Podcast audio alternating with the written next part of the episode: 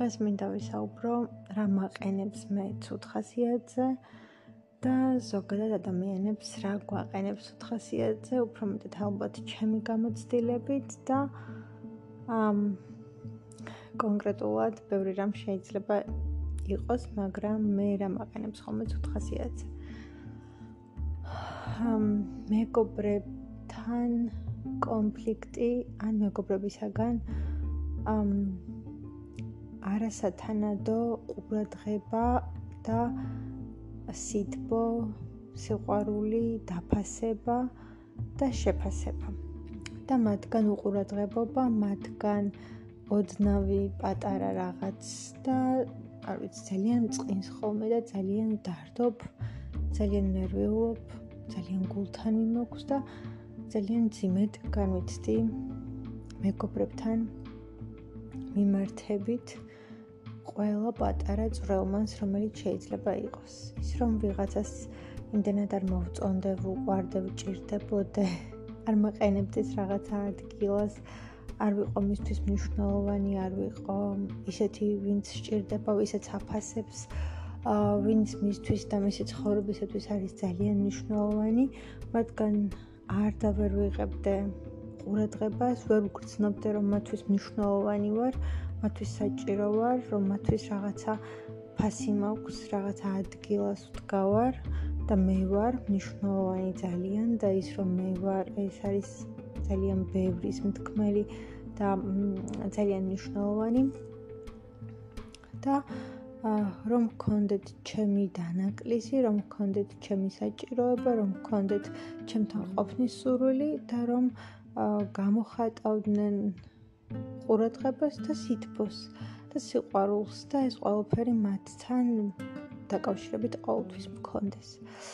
ეს არის ერთ-ერთი ის, რაც ცოტათი თუ შემცირდა, ან ცოტათი თუ დაიკლო, ან ცოტათი თუ გადასხვაფერდა და რამე ვიგრძენი, რომ ისი არ არის ძალიან წავედ განვიცდი და ძალიან წავედ ხვდება გულზე და ძალიან წავე ემოციებს იწვევს. უკეთ მეგობრებთან დაკავშირებული საკითხი და ეს საკითხები ძალიან მოქმედებს ჩემზე.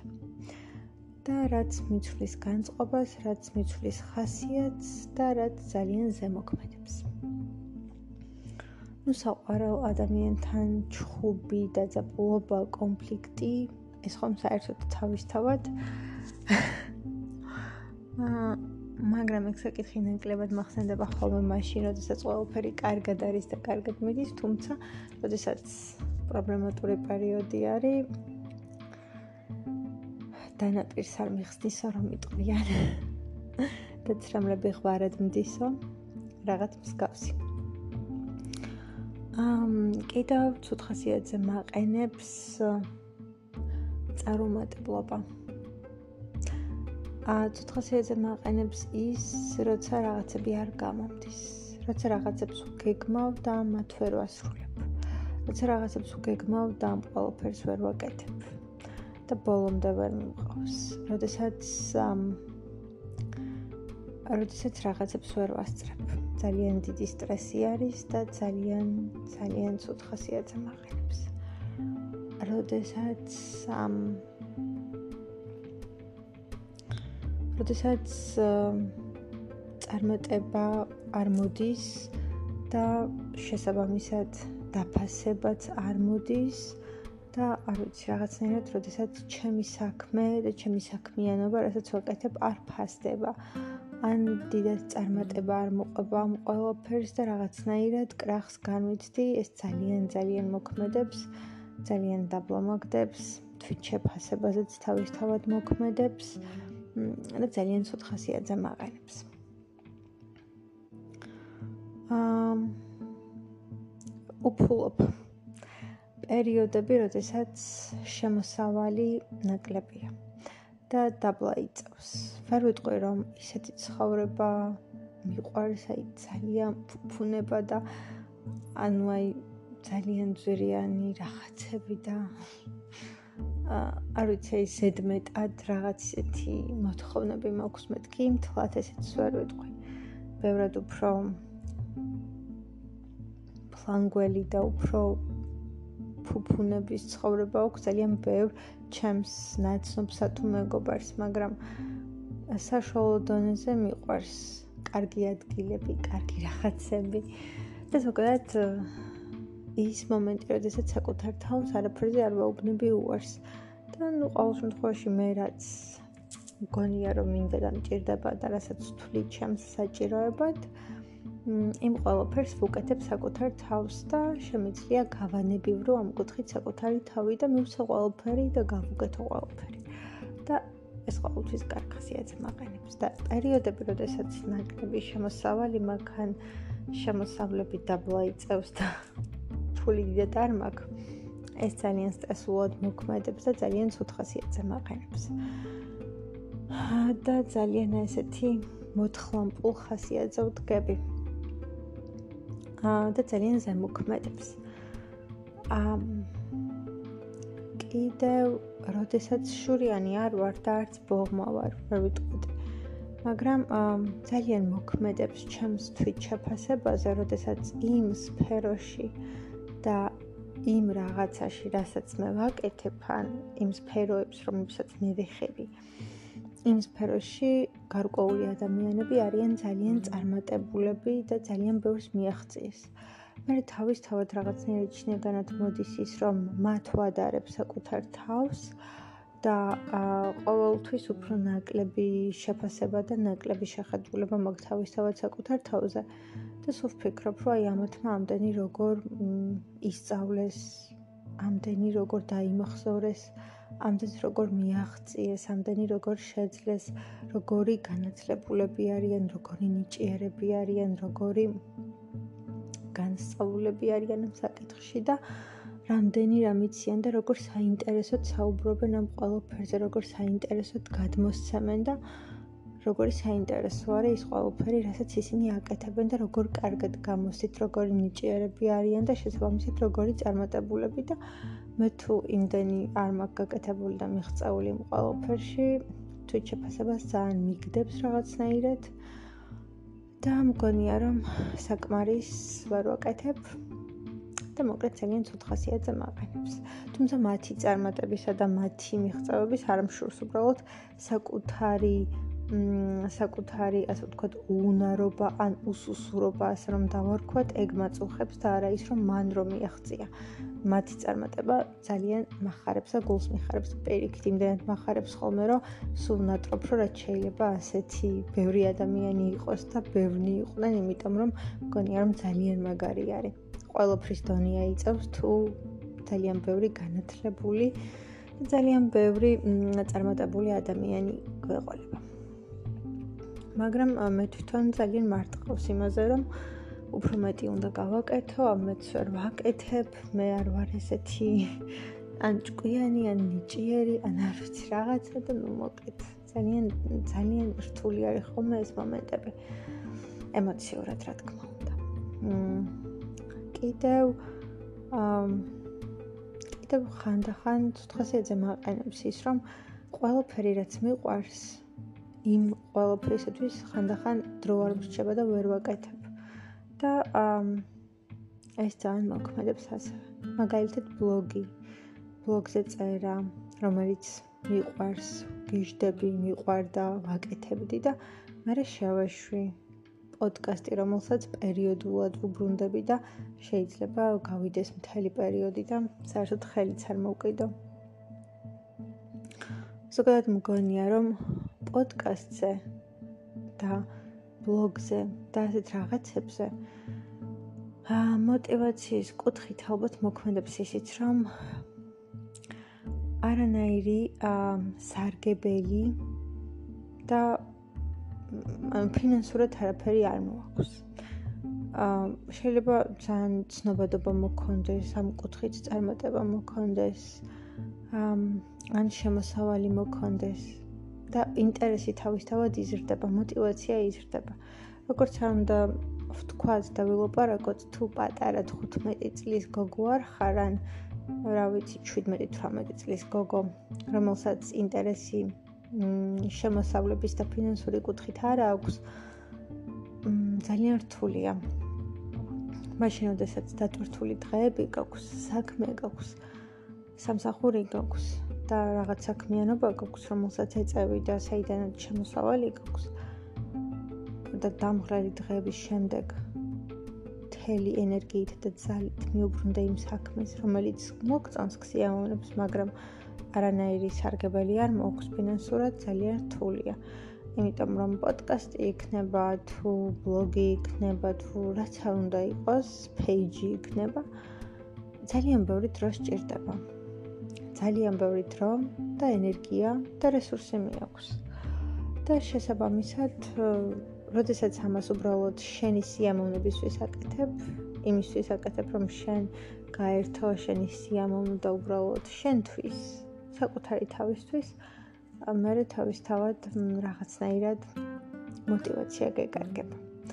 აა ვერ ვიტყვი რომ მხოლოდ ფულზე უნდა ვიფიქროთ, მაგრამ როდესაც იცი რომ აქედან შენ ანაზღაურება გექნება, ან იმის შესაბამისი ანაზღაურება გექნება, როგორც იხარჯები და რა დონეზეც აკეთებ, თუ ძალიან კარგია, თუ ბევრს მოსწონს, თავისთავად უფრო კარგი შემოსავალი გექნება სავარაუდოდ, თუ ნაკლებად საინტერესო და პოპულარულია უფრო ნაკლები და შემდეგ ეცდები ამ კუთხითაც, რომ განვითარდე და უკეთესი გახდე, თუ გენდომება, რომ აქედან რაღაცა, ასე ვთქვათ, სარგებელი გქონდეს. აა, ხო და ხანდახან ეგეც უთხასიათზე მაყენებს ხოლმე, რომ აა საკუთარი ჰობისათვის თუ რა ვიცი, ვერ ვნახულობ ხოლმე საკმარის დროს. და ხანდახან და პერიოდულად მიგდებული მაგას ყველაფერი, ეს იქნება ბლოგი, ეს იქნება პეიჯი, ეს იქნება პოდკასტი, ეს იქნება უბრალოდ წერა თუ რაღაც, იმიტომ რომ ყველაფერი საბოლოო ჯამში მოითხოვს ძალიან დიდ ენერგიას, ძალას, ძალისხმევას, დროს და ძალიან ბევრი რამ უნდა ჩადო. რომ შემდეგ უკვე შედეგი მიიღო და ის რომ ბევრი რამ ჩადო, არ არის მარტივი.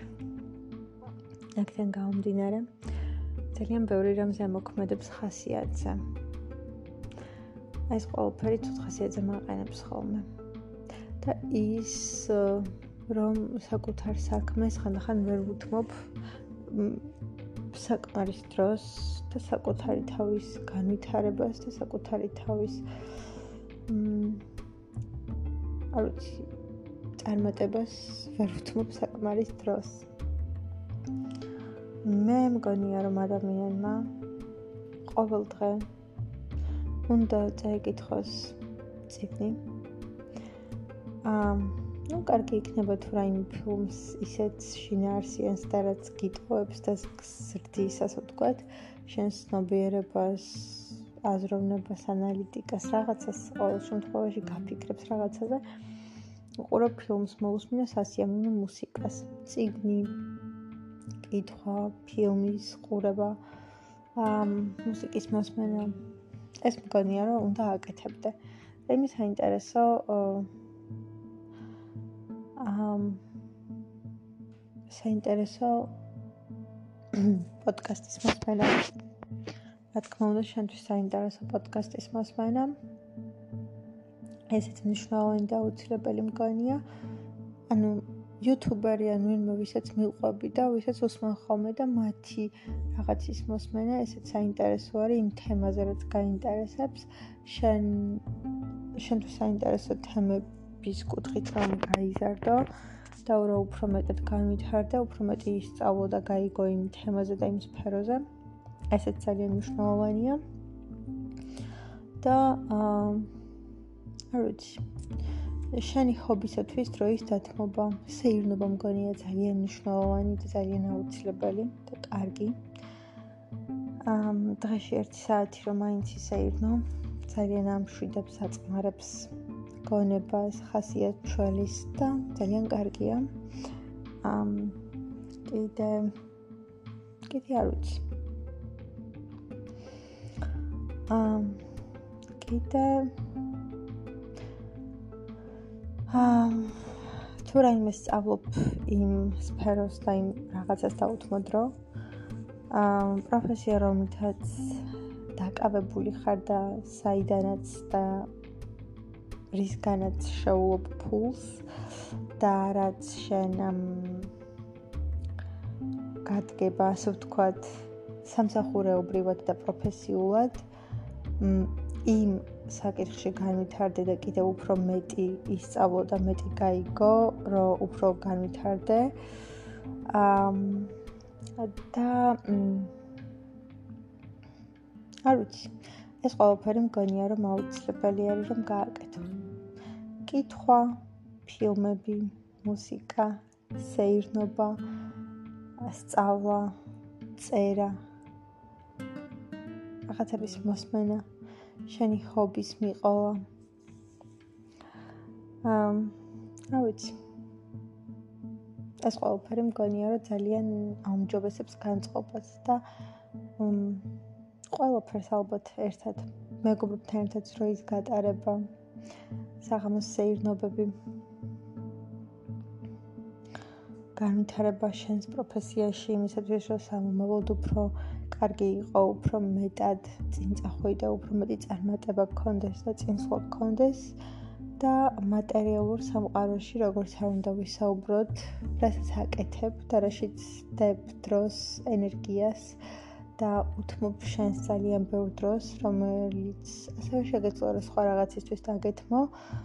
მ ძალიან მნიშვნელოვანია ის რომ აა არ ვიცი, ძალიან მნიშვნელოვანია ის რომ რაღაცა მოქონდეს შენთვის. რომ უფრო მეტი мотиваცია გქონდეს, უფრო მეტი სურვილი გქონდეს და უფრო მეტად გქონდეს განვითარების და წინსვლის სურვილი. და სურვილი რა უფრო მეტი გააკეთო და უფრო მეც მიაღწიო. არ ვიცი ეს ყველაფერი ძალიან ცოტხასიათზე მაყენებს ხოლმე. უფულობა, უფულო პერიოდები.